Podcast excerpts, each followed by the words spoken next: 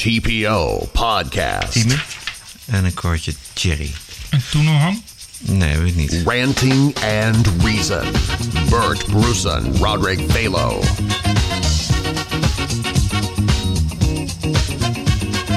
Maandag 13 maart 2017, de nieuwe TPO-podcast, aflevering nummer 5. Wat hebben we een spannend eh, weekend achter de rug, Gebert. Een diplomatieke meltdown tussen Nederland en Turkije. Hoe heb jij die beleefd? Uh, als uh, heel druk, ook op de site heel druk. Oké, zometeen uh, meer daarover, want het is nog niet voorbij. En deze week is minstens zo spannend, want woensdag verkiezingen. We beoordelen de lijsttrekkers, alle lijsttrekkers die we nog niet beoordeeld hebben. En we hebben een gast op de lichtfiets uit Veghel, Juriaan Maasen. En hij legt het begrip deep state uit. What in the malarkey is a deep state? En waarom Donald Trump die oorlog wel of niet kan winnen. Bert, maar eerst de reacties op de vorige podcast. Die zijn er, zijn die er weer? Ja, die zijn er. Uh, klein beetje feestje toch ook wel in de studio van de TPO-podcast, want uh, we zitten op iTunes. Ja, eindelijk. Eindelijk. Maar je kan gewoon, ik weet niet hoe dat werkt, maar gewoon zoeken op iTunes en dan... Uh, zoeken op iTunes? Of uh, op iTunes zoeken op, op TPO Podcast, denk ik. Ik weet het niet, maar je kan, uh, hij kan ook op de... Want er zijn ook van die andere apps en daar kan hij dan ook op. Want het, dat is gewoon de, dezelfde feed. Oké. Okay, dus er zijn allemaal fans die gebruiken dat en dan... je hebt het zelf nog niet opgezocht op iTunes? Jawel, maar... maar maar ik kreeg gewoon een linkje kreeg ik van iTunes van klik hier. Ah. Dus ik weet niet hoe dat dan zit als je normaal... Ik, ik, ik download nooit podcast. Oké. Okay. Kun je nog het Candlelight moment herinneren van vorige week? Tuurlijk. Ja, goed. Nou, Candlelight Rogier heeft gereageerd op jouw prachtig mooie voordracht van zijn fanmail. En hij zegt uh, over mij dat uh, zijn sympathie voor mij, hij zei dat hij een fan van mij was, maar dat het, heeft het zich, beperkt zich uitsluitend tot de columns. Dat kon ik wel begrijpen, ja. maar jij trok het onmiddellijk in uh, ja. zomergasten. Ja. En Rogier schrijft: Keep those TPO podcast rolling. Yeah, baby. Gaan we doen. TPO podcast.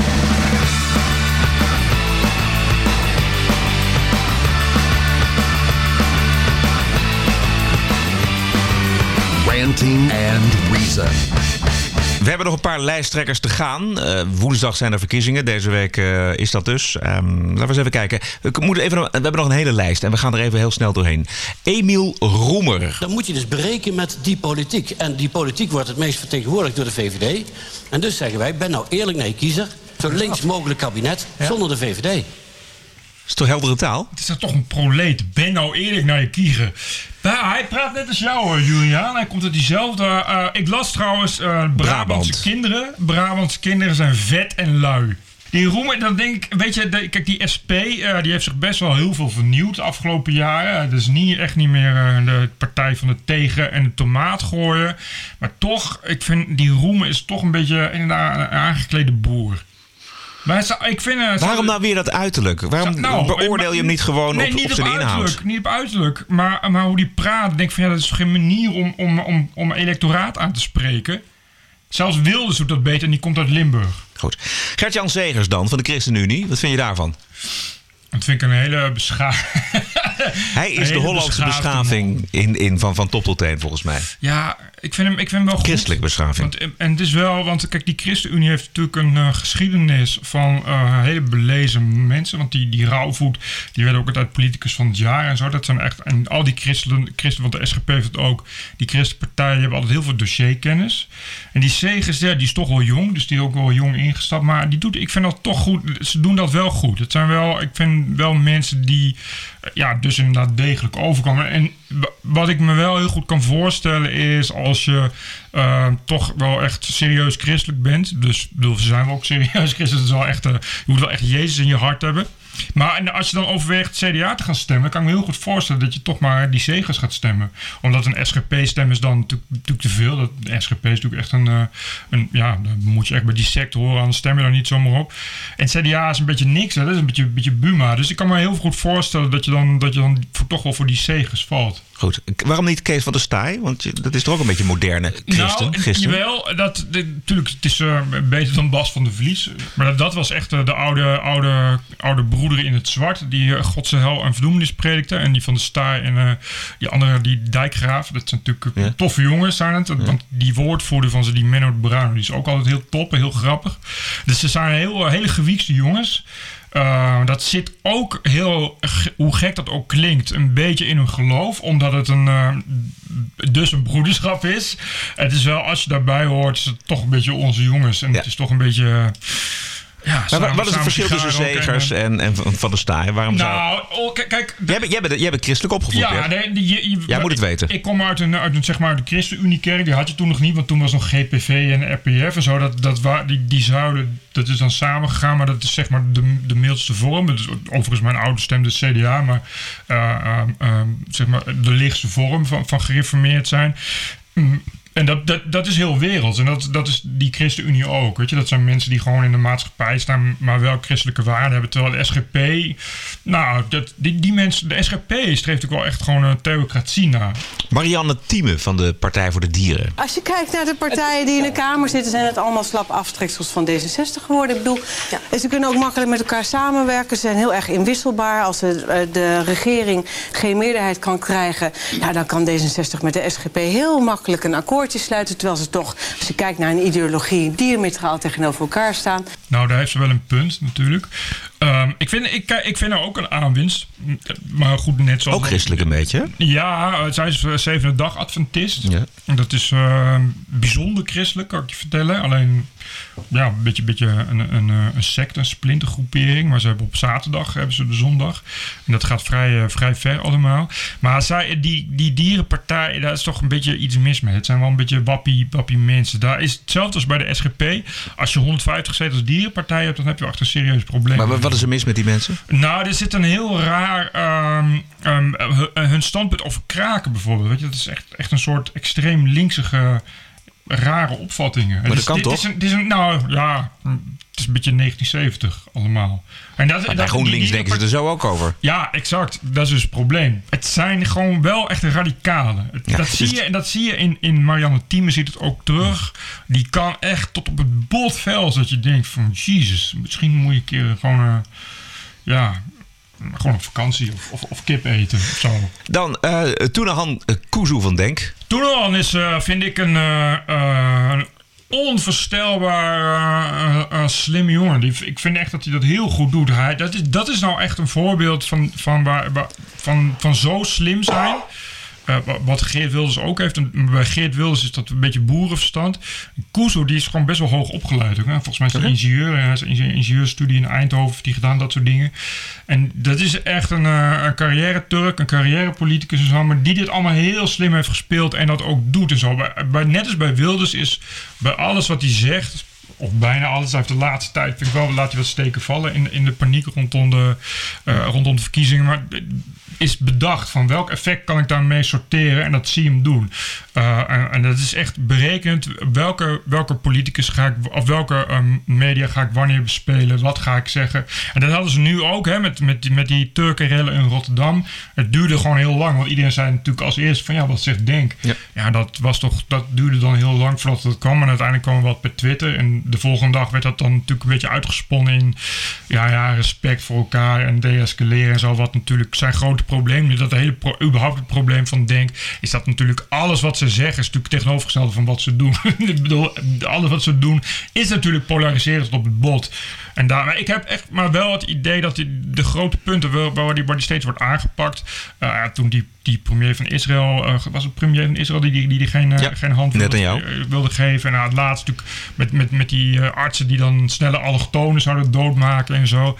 Maar is dat, is dat nou goed nage, over nagedacht? Want ik, dat, dat, heeft hij nog steeds niet kunnen bewijzen. Dat artsen van die allochtonen heeft denk, is denk ik een beetje, een beetje boven zijn pet gaan. Dat dat, dat was, hij zei dat ook tijdens een Facebook livestream. Ja. En, en ik herken dat wel op het moment dat je ja, iets online doet, heb je niet idee. Maar goed, dat journaal luistert ook mee. Dus het AD had drie minuten later al daar een bericht op. Toen Kuzu zegt dat artsen allochtonen eerder doodmaken. Dus daar heeft hij denk ik niet zo over nagedacht. Maar ik weet dat, dat heeft hij ook... Uh, ik heb ook een, een, artikel over gelezen. Of volgens mij heeft hij dat zelf gezegd in een interview. Dat uh, van... Die premier van Israël geen hand geven is echt bedacht. Ja. Het is echt bedacht. Ik ga... ja, hij stond ook netjes in de rij te wachten exact. totdat hij geen hand hoefde te geven. Jan Roos van VNL. Ja, Jan Roos. Ik, uh, ja, ik, ja. Ga, komt hij de Kamer in? Nee. Ik kijk, eh, ja, Nul zetels nee. voor VNL? Ja, VNL kan zich, heeft zich helemaal, kan zich helemaal niet profileren. Hebben zich ook niet geprofileerd. En eh, ik moet zeggen dat ze dat tot nu toe best wel deden voordat Jan Roos kwam. En het rare is natuurlijk dat ze hebben gedacht: we nemen Jan Roos en dan krijgen we misschien geen stijl er ook bij. Dat ging natuurlijk falikant mis. Eh, en dan krijg je Jan Roos, die overigens wel moet zeggen, zich toch nog aardig zijn mannetje kan staan voor iemand die zo onder vuur ligt. Want Ja, je zeker. bent natuurlijk wel echt dan de lul die, die, die eh, destijds voor geen stijl iedereen afsteek. En dan moet je nu ineens allemaal keurige dingen gaan vertellen. Ja. Terwijl hij toch ook wel vrij hard over de hoek, uit de hoek kan over islam en, en over criminaliteit en, en alle punten waar op, waar op Ja, populisme... in de talkshows krijgt hij het behoorlijk eh, van langs. Ja, en daar, komt hij niet, daar komt hij dus niet uit. Nee. En, en dat vind ik wel jammer. Daar had hij, kijk, toen bij Jinek is hij echt wel echt heel erg de mand uitgeveegd. Daar had hij uit kunnen komen. Daar had hij ook van tevoren kunnen bedenken. Kennelijk heeft hij dat niet gedaan. Het probleem vind ik bij hem is dat hij, eh, hij is gewoon echt een joker. Dat deed hij heel goed bij Geen Stijl. Dat deed hij heel goed bij Powner. En dat doet hij heel goed op tv. Nou, po- politicus zijn is denk ik wel een ander vak. Thierry Baudet van het Forum voor Democratie. Wat doet dat nou, zo'n referendum, met hoe de politiek georganiseerd is? Wat zie je? Niet alleen is de overheid in bijna al die staten kleiner en efficiënter. Ook zijn burgers meer betrokken bij de besluitvorming. Er is een hogere opkomst bij alle, allerlei soorten verkiezingen. Er is een hogere tevredenheid over de politiek. En mensen voelen zich, en dat is heel bijzonder, ook herkend in besluitvorming, zelfs als ze daar tegen waren. Omdat ze zich gekend voelen. En we zouden dus nu volgens mij, we zijn op een punt in onze samenleving in het Westen, dat we best wat meer vertrouwen kunnen geven aan de vrije markt van de politieke besluitvorming. En dus iedereen kunnen laten meebeslissen. Ja, Thierry is natuurlijk wel een echte politicus. Thierry doet dat heel slim ook. Die punten die hij heeft, dat speelt hij dus inderdaad heel slim. Dat is op het juiste moment kun je daar de juiste mensen voor vinden. Dat is, Maar hij heeft ook de bagage, hij is belezen, ja, ja, hij, ja. hij denkt goed na over zijn onderwerpen. Hij Ik kan, denk- dus hij kan een, organise- een partij organiseren, want wat hij in korte tijd eh, voor elkaar heeft gekregen. Nou, chapeau. Mm, dat vind ik ook wel. Dat ook, ik weet, ja, dat ook wel iets beter kunnen zijn. Want hij heeft ook heel veel niet gekregen. Om, omdat het, dat is natuurlijk de pest als je, als je in die hoek zit. Als je Thierry Baudet bent. En daar word je ook in miskend en zo. Dat vind ik wel heel jammer. Maar dat is ook zijn kracht en zo. Ik denk dat die... eh, ja, je ziet toch dat mensen, is het de hele tijd dat Thierry Baudet, haha en zo. En dat, dat is niet erg en daar vraagt hij ook om. Dat doet hij natuurlijk ook om. Hij gaat zelf op die piano liggen en aan zijn zakje lavendel ruiken. En, eh, of of eh, boeken schrijven over vrouwen versieren en weet ik veel wat. Ehm, en en hij, hij zegt, weet je, hij doet dat natuurlijk zelf in interviews, volstrekt ironieloos. Zegt ik ben de beste intellectueel van Nederland en ik ben de verzetstrijder en zo.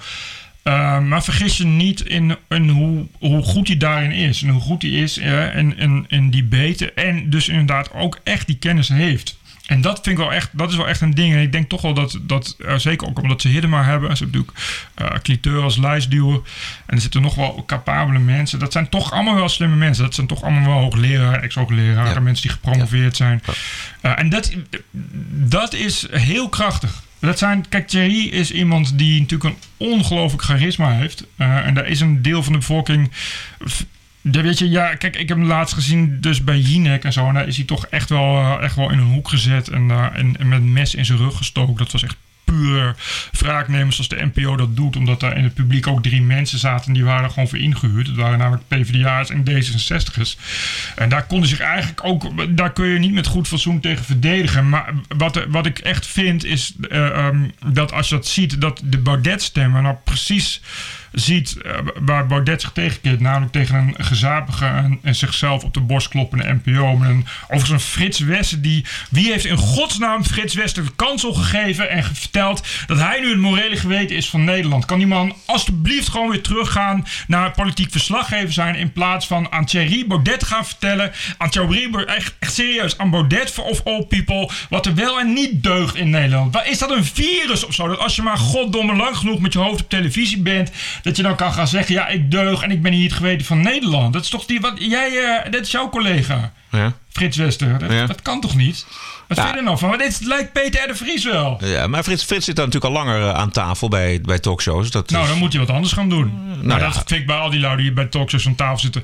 Hoe dan kijk, ook. luister, één ding, wat, wat, wat Frits ook gezegd heeft. Maar Thierry, je zegt het net zelf al, die, hij daagt ook uit. Hè? Ik bedoel, zijn houding daagt ook uit. En daarom worden mensen ook zo fel. En ik denk ook dat dat de reden is dat Frits op een gegeven moment zei van nou... eh, eh, Nee, Thierry, daar ging het niet om. Het ging om dat eh, Frits op een gegeven moment tegen Thierry zei...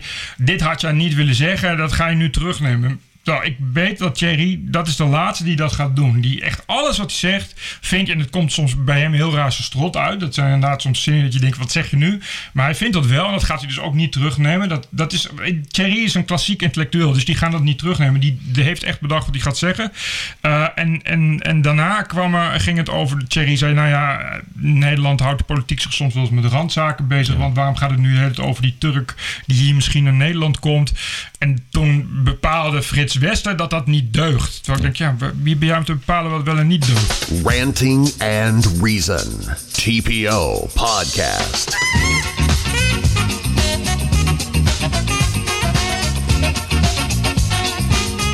En nog één onderwerp. En dan zijn we aan uh, Julia Maassen toe. Goh, dat gaat snel, Julia. Snel, hè? Zit je een beetje lekker daarachter in de hoek. Nederlanders zijn fascisten en nazi's. En daarmee vatte de Turkse president Erdogan het Nederlandse volk in één klap. Samen, vanuit Ankara gezien natuurlijk. Uh, wat een enorme volksmenner deze man. Uh, de situatie verandert met de dag, dus neemt u ons niet kwalijk als uh, u de podcast bijvoorbeeld vrijdag hoort en dat er inmiddels al een interne NAVO-oorlog is uitgebroken. Want daar weten wij op dit tijdstip nog helemaal niets van af. Bert, wat boeit jou het meest in deze rel? Um, nou, ik moet eerlijk zeggen dat het meest me boeit was al inderdaad hoe ver Nederland daarin is gegaan. Want dat is wel. Ik dacht ook van ja, ja je, je arresteert een. Uh, of arresteert min of meer. En dat was ook wel echt een speciale interventieteam. echt zwaar bewapende mannen. Ik begreep dat ze. Ja, die beveiligers van die minister waren ook bewapend en zo. Ja, hij is wel een. Uh, kijk, dat is natuurlijk toch een beetje een oorlogssituatie. Je zit toch op, uh, op verschillende uh, soevereine gebieden. Ja. Zo, Was dit hè? gebeurd als er geen verkiezingen waren nee. geweest? Nee, ik weet zeker dat. Kijk, dit is wel echt een. een ja, dit is natuurlijk? Een, een, gouden, mom, ja, natuurlijk een gouden moment voor Rutte. Heb je ooit Rutte zo doortastend zien optreden en zo uh, um, ja, bijna scheid aan. Want dit, hij weet dat die gevolgen er komen natuurlijk. Zeker, je weet dat je met die Turk niet zomaar kan spotten. Dus wat je ook doet, je weet dat het gezeik is. Tot nu toe uh, uh, hebben we altijd, is het altijd geweest, ja, maar de vluchtelingendeal. En laat, ik bedoel, die Turk heeft over gedaan, hè, die Erdogan. Die heeft al ontzettend veel, bijna dagelijks lopen stoken in Duitsland. Toen met, met die Beumerman. En, ja. en, en dagelijks. Maar goed, landingsrechten intrekken. En een minister die in Rotterdam aankomt met een auto weer terugsturen. Dat is best wel pittig. Ja, gaat heel ver. Dat ja. is nog nooit vertoond in Nederland volgens mij. Nou, ik denk dat het Van na de, eerste, na de Tweede Wereldoorlog. In, precies, internationaal ook nog niet zo vertoond Nee. is. Nee. Dus het is een... Uh, en je weet, zeker bij de Turken, die toch... Nou, niet, ten eerste niet zo van de humor zijn. En ten tweede nog, nogal licht geraakt. Als het over een, uh, een land gaat en een uh, nationaliteit. Uh, ja, dus ik denk dat, dat het, is wel, het is wel echt powerplay. En dat moet je wel durven. Dus hij heeft er wel de ballen voor gehad. Overigens, ik, ik, kijk, het is een kabinet. Dus, dus hè, er zitten ook PvdA's in. Dus Koenders, die heeft er ook mee te maken. Ja. Maar die is ook niet mild Nee. over de Turken. Uh, niemand niet, maar tegelijkertijd... Erdogan wil nu naar het Europese Hof voor de Rechten van de Mens. Wat ik overigens een vrij milde reactie vind. Bedoel, je kan uh, volgens mij... Uh, je kan Nee, Nederland hij- heel erg pesten als je wil. Ja, als ja. Turkije. Maar Erdogan spint hier natuurlijk ook ongelooflijk garen bij. Ja. dit kan hij heel goed gebruiken. Ja. En Rutte kan het ook heel goed gebruiken. Dus het was eigenlijk een blessing in disguise. Dit is, dit is, dit is een geschenk uit de hemel. Ik, ik weet zeker dat hij het niet had gedaan. Maar dat heeft hij nooit gedaan. Want het, het is tot nu toe altijd zo geweest dat uh, uh, wat ook met Turkije gebeurt, was alle jongens rustig aan. Want we hebben een vluchtelingendeal met Turkije. Die vluchtelingendeal uh, en de belangen die, die voor Europa, wat ik, nou ja, het is ook nog een gewaardeerde NAVO-partner. Het is bovendien volgens mij op Amerika na het grootste leger zo'n beetje ter wereld. Dus het zijn ook, je wil ze heel graag in de NAVO houden. Uh, uh, we hebben basis op Inciliek en zo. Weet je. Dus er staat heel veel op het spel. Er staat heel veel op het spel. Nou ja, maar goed, er staan ook verkiezingen op het spel. Plus, het zou mij niks verbazen als Rutte toch van tevoren wel heeft gebeld met Merkel. Want Merkel wilde hem ook niet. Hè. Die, Turk, die, die Turk is, is bijna overal uh, geweerd. Uh, volgens mij ook in Oostenrijk. Uh, Denemarken. Denemarken. En alleen Frankrijk. Maar de Fransen hebben een heel ander uh, uh, idee erover. Frankrijk gaat zelf ook heel vaak naar Nederland om tijdens de verkiezingen Fransen op te roepen te gaan stemmen. Ja. Dus die zitten daar heel anders in. Bovendien, volgens mij hebben die ook veel minder Turken, veel minder probleem daarmee. Want hier was het verhaal ook het probleem met de openbare orde. Ja. Dat betekent toch wel zoveel als problemen met Geert Wilders. Want als je dus inderdaad de Turken hierheen haalt en dat volk ja, laat opjutten, en dan krijg je dus dat Geert Wilders daar garen bij gaat spinnen. Dat wil je ook niet. Uh, ja, het is wel, wel powerplay. Het gaat wel echt een geschiedenisboek in. Maar het heeft, dus, en het heeft hem nu drie zetels opgeleverd, de laatste, ja. laatste peilingen van Maurice ja. de Hond. Even los van de tactiek. Is het goed dat dit besluit genomen is, vind jij? Mm, Ja, daar denk ik dus nog over. Dat vind ik, heel, ik vind het echt heel moeilijk. Ik vond het echt heel moeilijk. Want ik dacht ook van, ja, waar- waarom... Ja, ja, ja probleem met de openbare orde. Weet je, dat, ja, dat kun je altijd wel zeggen. Ik, ik, dacht ook wel van, ja, wa- wat zit daarachter? En dat weet ik eigenlijk ook niet zo. Of het goed is, vind ik... Nou, ik- kijk, wat, wat, wat ik wel goed vind, is dat hij zijn rug heeft recht gehouden. Want waar het om gaat, is dat hij uiteindelijk die landingsrecht heeft ingetrokken. Wat die Turken hebben gedaan is ineens drie kolonnes uit Duitsland sturen in drie verschillende richtingen. En dus een minister van Gezinszaken, weet je. Dus dat, dat is inderdaad... eh, Dan zou ik ook zeggen van luister, onze boodschap is duidelijk. Jullie zijn niet welkom om dit te komen doen. Dus dan moet je ook niet iemand anders sturen en dan moet je niet zeiken. Want het ging erom dat je daar niet mocht, dat, dat je niet mocht landen. Dat die minister van Buitenlandse Zaken niet mocht komen. Dus nu een andere minister sturen, zo, daar, zo gaan we dat niet doen. Maar ik- ja, ik, ik weet het dus niet. Ik weet niet, ik, ik, wist- wat vind jij? Volgens mij is het misgegaan op het moment dat de Turken eh, dreigden met sancties. Ze eisten eigenlijk eh, de toegang tot Nederland Ja. op. En dat was echt eh, een, een stap te ver. We hebben natuurlijk die, die rellen met die Turkse nationalisten gehad op de Erasmusbrug. Als dat niet gebeurd was, was dit waarschijnlijk ook niet gebeurd. TPO Podcast. Aangeschoven, Juria Maassen op de lichtfiets uit Veghel. Eh, je schrijft onder andere voor de TPO-website en maakt eh, op Facebook hele grappige eenakters. Eh om te zien moet je wel eerst vrienden worden met Juria. Maak je makkelijk vrienden? Heel makkelijk. Ja, ik weet niet wat het is. Dus mensen trekken zich, voelen zich aangetrokken tot mij. Ja. En, en je accepteert ook heel makkelijk vrienden. Eh, absoluut. Ja, ik ben eigenlijk helemaal niet kritisch. Gewoon een allemans vriend Ja, eigenlijk. ja, links, rechts, maakt maar niet uit. Goed. Eh, we hebben je uitgenodigd om te praten over het begrip deep state. Eh, je bent helemaal eh, hier, daar ingedoken samen met Alex Jones van Infowars. En laten we even een klein stukje luisteren naar deze Alex Jones. It's InfoWars banned off Google advertising. And I'm not mad at anybody. I just can't sit here in this unfree society climate and just continue basically at this point. Wat is er voor man? Alex Jones is een eh, nou ja, Texaan. Eh, Austin, Texas, opgegroeid in Dallas, geloof ik. Eh, Houston en Dallas. En die is eh 20 jaar geleden begonnen met een, eh, met een, een camera op een statief. En, eh, en zichzelf. En eh, die- hij is gewoon een blaten, blaten, blaten. En praten, praten, praten. Dat kan hij heel goed. Rechtse blaad. Eh, eh, rechts, eh, de paleo-conservatief, zo noemt hij zichzelf. Eh, Paleo-conservatief, is dat? ja, nou ja, je hebt de traditionele scheiding links-rechts. Is natuurlijk een beetje anders zoals wij het verstaan, als dat ze het in Amerika verstaan. In Amerika is vrijheid, en dan hebben we het over vrijheid om wapens te dragen, noem op, allemaal verankerde, gegarandeerde Rechten. zekerheden in de grondwet, de Amerikaanse grondwet. En daar is hij een, nou ja, een, een, staunch defender van. Hè? Dus een, een verdediger van de Amerikaanse grondwaarden, althans zo noemt hij zichzelf. Oké, je- hij heeft het ook heel regelmatig over die deep state. Daar gaan we het zo meteen uitgebreid over hebben. Maar hoe ben jij met hem in contact gekomen? Want jij hebt met hem gewerkt, heb ik begrepen van Bert. Ja, nou ja, ik heb eh, eh, ooit eens een artikel ingestuurd over eh, Prins Bernhard, notabene, Prins Bernhard. En dat ging toen, had toen betrekking op de Bilderberg-conferenties. Als een van de medeoprichters van de Bilderberg-conferenties. Nou, dat eh, sloeg onmiddellijk aan. Eh, dus eh, nou, hij stuurt nog eens wat op, et cetera. Nou, toen ben ik eh, artikelen gaan insturen. En uiteindelijk kom je op een soort ja, verstandhouding, zou je kunnen zeggen, op afstand. Eh, ik, ik stuurde artikelen in, trouwens, eh, tot weinig financieel eh, voordeel voor mij. Maar dat maakt helemaal niet uit. Hem ook niet, maakt hem ook niet uit. Maakt hem zeker niet uit. Eh, inmiddels is het natuurlijk wat groter. Dus eh, ik ben eigenlijk een beetje, dat ik het eerder nog over, te vroeg van die bandwagon afgesprongen. Dan had ik eh, natuurlijk tonnen kunnen verdienen. Want die man is miljonair, multi- multimiljonair geworden. Inmiddels, inmiddels. Maar dat is geloof ik nog niet zo heel lang hoor. Ik denk dat we echt over een, eh, na een paar jaar praten of zo. Maar jij hebt hem ontmoet in Amerika. eh, in Engeland in eerste instantie. eh, bij de 2013 Bilderberg-conferentie in eh, Watford, Engeland, vlakbij Londen. Oké, wat is het, deep state? Uh, deep state houdt eigenlijk in een, state within a state. Dus een, een staat in een staat, een schaduwregering, waar uh, Middelkoop ook uh, over heeft gesproken. Dus het is eigenlijk een soort verzamelnaam voor uh, een, een, een, web van belangen die achter een, een democratisch gekozen regering zit. Uh, deep state in Amerika zou je kunnen noemen uh, een, een, verbond tussen inlichtingendiensten. Dan praten we over de CIA, NSA. Uh, FBI in mindere mate, dat is vroeger natuurlijk wel anders. Uh, het militair-industrieel complex, zoals Eisenhower het noemde, later overgenomen door JFK, noem maar op. En verantwoordelijk gesteld voor de dood van JFK. Zeer speculatief natuurlijk, voor een groot deel. En anderzijds, dat is dus de ene component, inlichtingendiensten militair. Andere component is eh, eh, de grote families. Praten we over toen de tijd ook nog de Kennedys, Rockefellers, nou ja, Bilderberg. Bilderberg is natuurlijk weer, ja, dat is eigenlijk waar het allemaal samenkomt. Hè? Dus dat, en het is niet zozeer een kamer van eh, mensen aan een lange tafel met V-vormige wenkbrauwen die, die allerlei duistere besluiten nemen.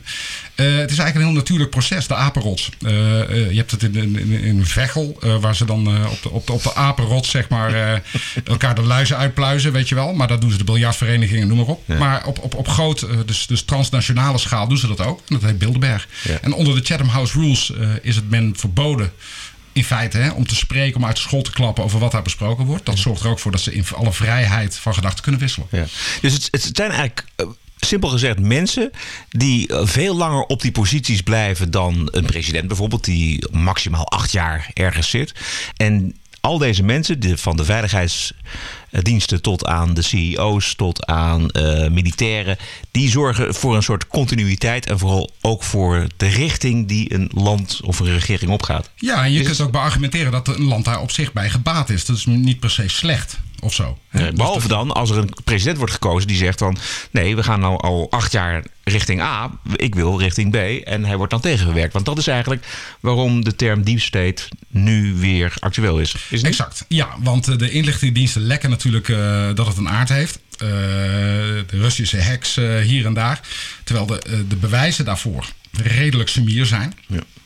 Dus dat, dat, dat veronderstelt dat men natuurlijk niet zomaar alles accepteert. En de één manier voor de inlichtingendiensten om zeg maar, een, een actief beleid van de president tegen te werken, is gewoon dingen te lekken. Dus die state is, is eigenlijk al een, constante in, in de afgelopen 40, jaar, 50 jaar. Ja, in, in, in Anglo-Amerika, dus niet alleen in, in de Verenigde Staten, in Engeland is dat ook. En dat is een beetje de situatie die natuurlijk na de Tweede Wereldoorlog en de Koude Oorlog is Ja. eh, tot stand gekomen. Hebben we in Nederland ook een deep state? Ja, dat een beetje knullige deep state misschien. eh, ik zou niet weten. Ja, misschien. Ja, dus de Nederlandse Centrale Bank staat in feite ook. eh, doet in feite wat de Europese Centrale Bank eh, als beleid uitstippelt. Renoy Kan is in zijn eentje de deep state. Wie, wie zeg je? Renoy Kan, Oh ja, ja, natuurlijk. Van de, de machtigste man van Nederland. ja, zou je kunnen zeggen. Wat Alex Jones en jij ervan vinden, gaat maar iets te ver. Eh, alhoewel eh, de, de situatie in de Verenigde Staten is natuurlijk niet vergelijkbaar met die in Nederland. Ik denk dat in Nederland de deep state ook tweezijdig is. Maar dat is eh, enerzijds het Koningshuis, die inderdaad toch steeds heel ver gaat. Eh, eh, Prins Bernhard had daar.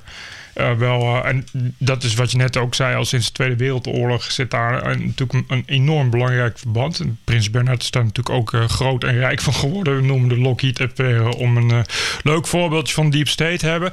Maar ik vind wat in Nederland echt een deep state is, is toch wel.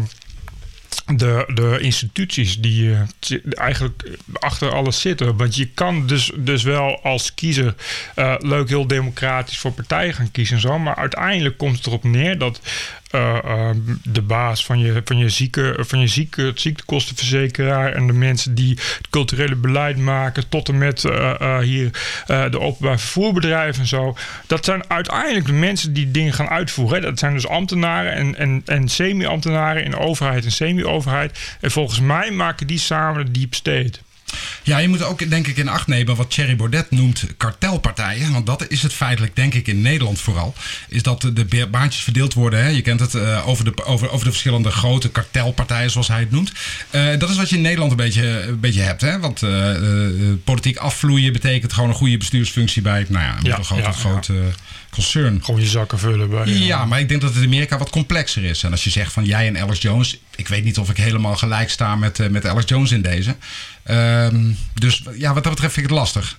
Nou ja, nee, Amerika is ook complex. Hè? En dat, dat, ik- ik bedoel, voor de, Amerika heeft dus steenrijke families. Weet je, de rijkste mensen ter wereld wonen daar en hebben natuurlijk die invloed. En dat heb je in Nederland niet. Maar ik, ik vind wel dat in Nederland is, is er een bepaalde invloed. En nou ja, dat is ook wat je hier de elite noemt. En, en dat zit ook, eh, maar dat zit wel, je vindt dat dus terug. Je, ik bedoel, je kan dus wel. eh, eh, een beleid maken vanuit de politiek, maar iemand anders moet dat beleid uitvoeren. Dat zie je de hele tijd, dat de machtige mensen, eh, de, echt, de mensen met echte man, je, noemde net al Rino kan al, die zijn veel machtiger dan, dan de beleidsmakers aan zich. Die maken mede het beleid. En dat vind ik ook het probleem bij, bij eh organisaties SCP. Je, dat je denkt van ja, dit, het is leuk, maar die mensen die maken eh, de macht. En dat geldt ook voor de media. Dus wat je met media, als, als, als media schrijft, consequent van er is minder criminaliteit. Want dat hebben we gemeten in plaats van er is minder aangifte gedaan. Dus we weten niks over criminaliteit. Uh, politici maken hun beleid op, op het feit wat daarvoor in, in de algemene opinie wordt aangenomen. En dat is volgens mij ook een onderdeel van Deep State. Absoluut, de, de consensus van opinie. Uh, je ziet het eigenlijk bij de NOS, NPO. Uh, zie je dat heel duidelijk terug. Er is duidelijk een bepaalde sprake van een bepaalde richting. En die richting, dat is een bepaald narratieve bouw. En dat zie je in Amerika ook bij CNN en bij de, de wat grotere CBS, de wat grotere ABC geloof ik ook wel. En dat zie je in Nederland ook heel duidelijk. En ik, dat vind ik wel vrij raar, ook voor Nederlandse begrippen. Want Nederland is over het algemeen vrij divers in de zin van ja. dat we veel ja. uh, tegenstrijdige meningen tolereren. En dat is maar goed ook. Ik denk dat Forum voor Democratie, als we kijken naar de huidige verkiezingen, uh, de zaak wel duidelijk bij de smiezen heeft. Uh, de kartelpartijen. Ja, dat, dat, dat vind ik dus ook wel. Dat is natuurlijk ook wel een beetje een, een pluspuntje wat ze hebben. Als je Absoluut. dat de hele tijd kunt blijven benoemen, waar hij natuurlijk ook de mogelijkheid voor krijgt. Omdat hij dus inderdaad de hele tijd ook weer zo geframed wordt. Waarop die kan terug, uh, weet je, de reflex dan van kijk, dit is dus inderdaad de kartelvormen waar het over gaat.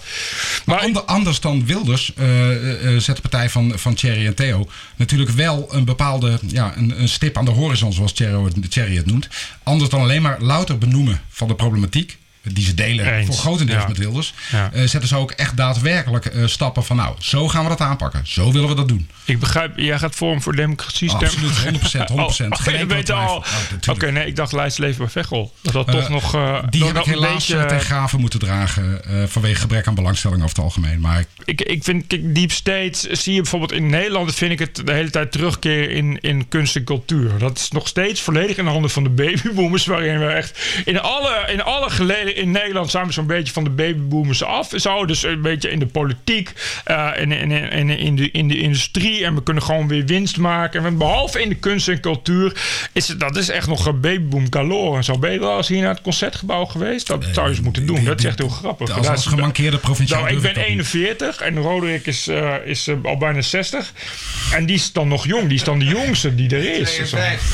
Maar nee, maar serieus. En, en, en als je dan, dat heb je toen gezien, als je dan eh, toen met de kunstbezuinigingen, wat echt voor het eerst in, in 8000 jaar iemand überhaupt het aandurft om daar iets, iets aan aan te bezuinigen, wat, daar dan, Nou. wat er dan tekeer gaat. Ja. Maar dat zijn wel echt alle, dat zijn echt alle babyboomers. En wat mij daar eh, toch. Maar ook jongeren die zodanig Ja. verwend zijn dat ze de straat, nou, barbarisme en doe maar op. Nou ja, Nou ja, maar dat is goed. Dat is de nieuwe millennial generatie. Ja. Die, zijn, die zijn wel eh, toch al effectief gebrainwashed door de deep state. Als je het, eh, als je het zo moet, gaan- moet gaan beschouwen. Ik zag toch wel, ik moet wel zeggen dat ik wel geschrokken ben van het aantal van 20.000 eh, protesten die die Women's March lopen. Ja, het is de millennial, hè? dus die, die, ja. die het beste in te- van twee werelden in zich verenigen, namelijk de babyboomer en de millennial. Die noem ik de millennial. Ja, dat, is- dat zijn babyboomers met de kracht van een 20-jarige. Die zijn levensgevaarlijk. mensen. Levensgevaarlijk. Dat, is wel inderdaad een. Maar eh, eh, eh, wat ik wel mis eh, eh, over, over die kunst en cultuur eh, en, en, daarin, en daarin die deep state die er zit. Ik vind dat eh, eh, die cultuur en die kunsten. Eh, die moeten nou juist zijn om die vrijheid te waarborgen. Die moeten nou juist zijn om die kritiek te leveren. En dat mis ik heel erg. Ik vind echt in Nederland is 99% van de kunstenaars is toch wel echt van een type. eh, ik ben geëngageerd, dus ik ben tegen Wilders en zo. En, en eh, daar ga ik eh, afbeeldingen maken van Wilders als Hitler en noem maar op. En, en dat mis ik echt. Ik mis wel echt. In Nederland mis je heel erg inderdaad die vrije spirit. Wat je zegt van god man, dit zijn kunstenaars, dit zijn mensen met talent. Die ook echt iets laten zien. Maar dat, dat weet je net zo goed. Daar hebben we het ook, als ik, daar hebben we het ook over op Facebook. We, we maken grappen met die Joris van Os. Joris van Os, de bekende auteur de literatuurkenner. Goede kameraad van mij. Maar, maar eh, weet je, goede schrijvers, goede jonge schrijvers zijn er ook niet. Nee, precies. En goede jonge kunstenaars zijn er ook niet. Dat is allemaal wel een beetje het, van ook- hetzelfde laken en pak eh, eh, van, van, van gesubsidieerd worden. En dan is het allemaal oké. En als ik, dan, als ik dan in de Randstad woon en ik ben 20, schrijf ik een coming-of-age roman. En dat is dan mijn liefste wens. Want ik kan bij Lebowski, weet ik toch dat ik kan uitgeven. En dan word je uiteindelijk Stella Bergsma. En, en nou ja, goed, dan kom je bij de Wereldrijd door. En dan mag je een keer optreden. En dan mag je optreden bij Paul Ja. Witte. Maar voor de Nacht van de Vluchtelingen, weet ik veel wat allemaal voor gelul. En Maar dat is ik, een gevolg van eh, overdadige subsidie. Waardoor mensen zijn vetgemest. Dat lijkt en, mij ook, En de ja, meest zwakke exponenten van de, binnen de kunst en cultuur... Die, die komen helemaal tot uiting. Die komen helemaal tot, tot, tot volle wasdom. Dat lijkt mij ook. Maar het- volgens mij moet het dan juist de taak zijn van de kunstenaars om dat te bestrijden. De, de deep state die nog, nog steeds dus stevig ingebed zit in, in de kunst en cultuur, in de kunst en cultuurwereld. Die dus overigens ook invloed heeft op de NPO. En we- vergis je niet, eh, eh, ik, ik ken mensen die die series maken, maar je kan nog steeds niet. Eh, je kan vergeten dat je voor de NPO een serie of een film mag maken waarin, waarin Marokkanen, eh, zeg maar, daders zijn. Ik geloof, ik weet niet wie het vertelde, ik geloof Michael Leenitz, die, die schrijft net als, net als Willem Bos van die scenario's en maar die doen het dan redelijk commercieel. Dat is dan heel wat in Nederland. Maar die zei ook van, ja, we hadden iemand, die, die had een script over, dat ging over een juwelier die werd beroofd door Marokkanen. Vervolgens gingen we met een jachtgeweer op Marokkanen schieten en zo. Maar dat is absoluut no-go. Dat, dat heb ik ook wel eens met Eddie Tistal, die zegt het ook. Van ja, wij- ik heb wel eens een film, hij had samen met Juri Albrecht een film geschreven.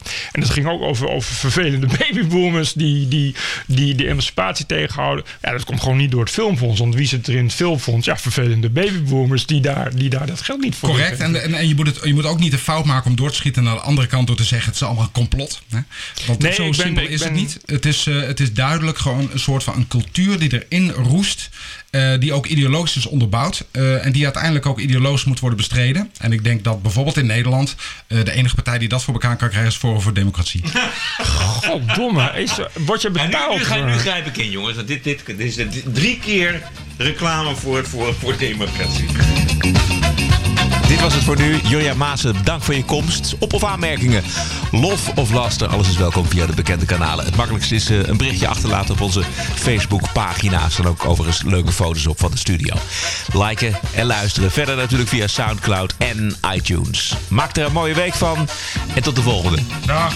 TPO Podcast. Bert Bruson, Roderick Balo, Ranting and Reason.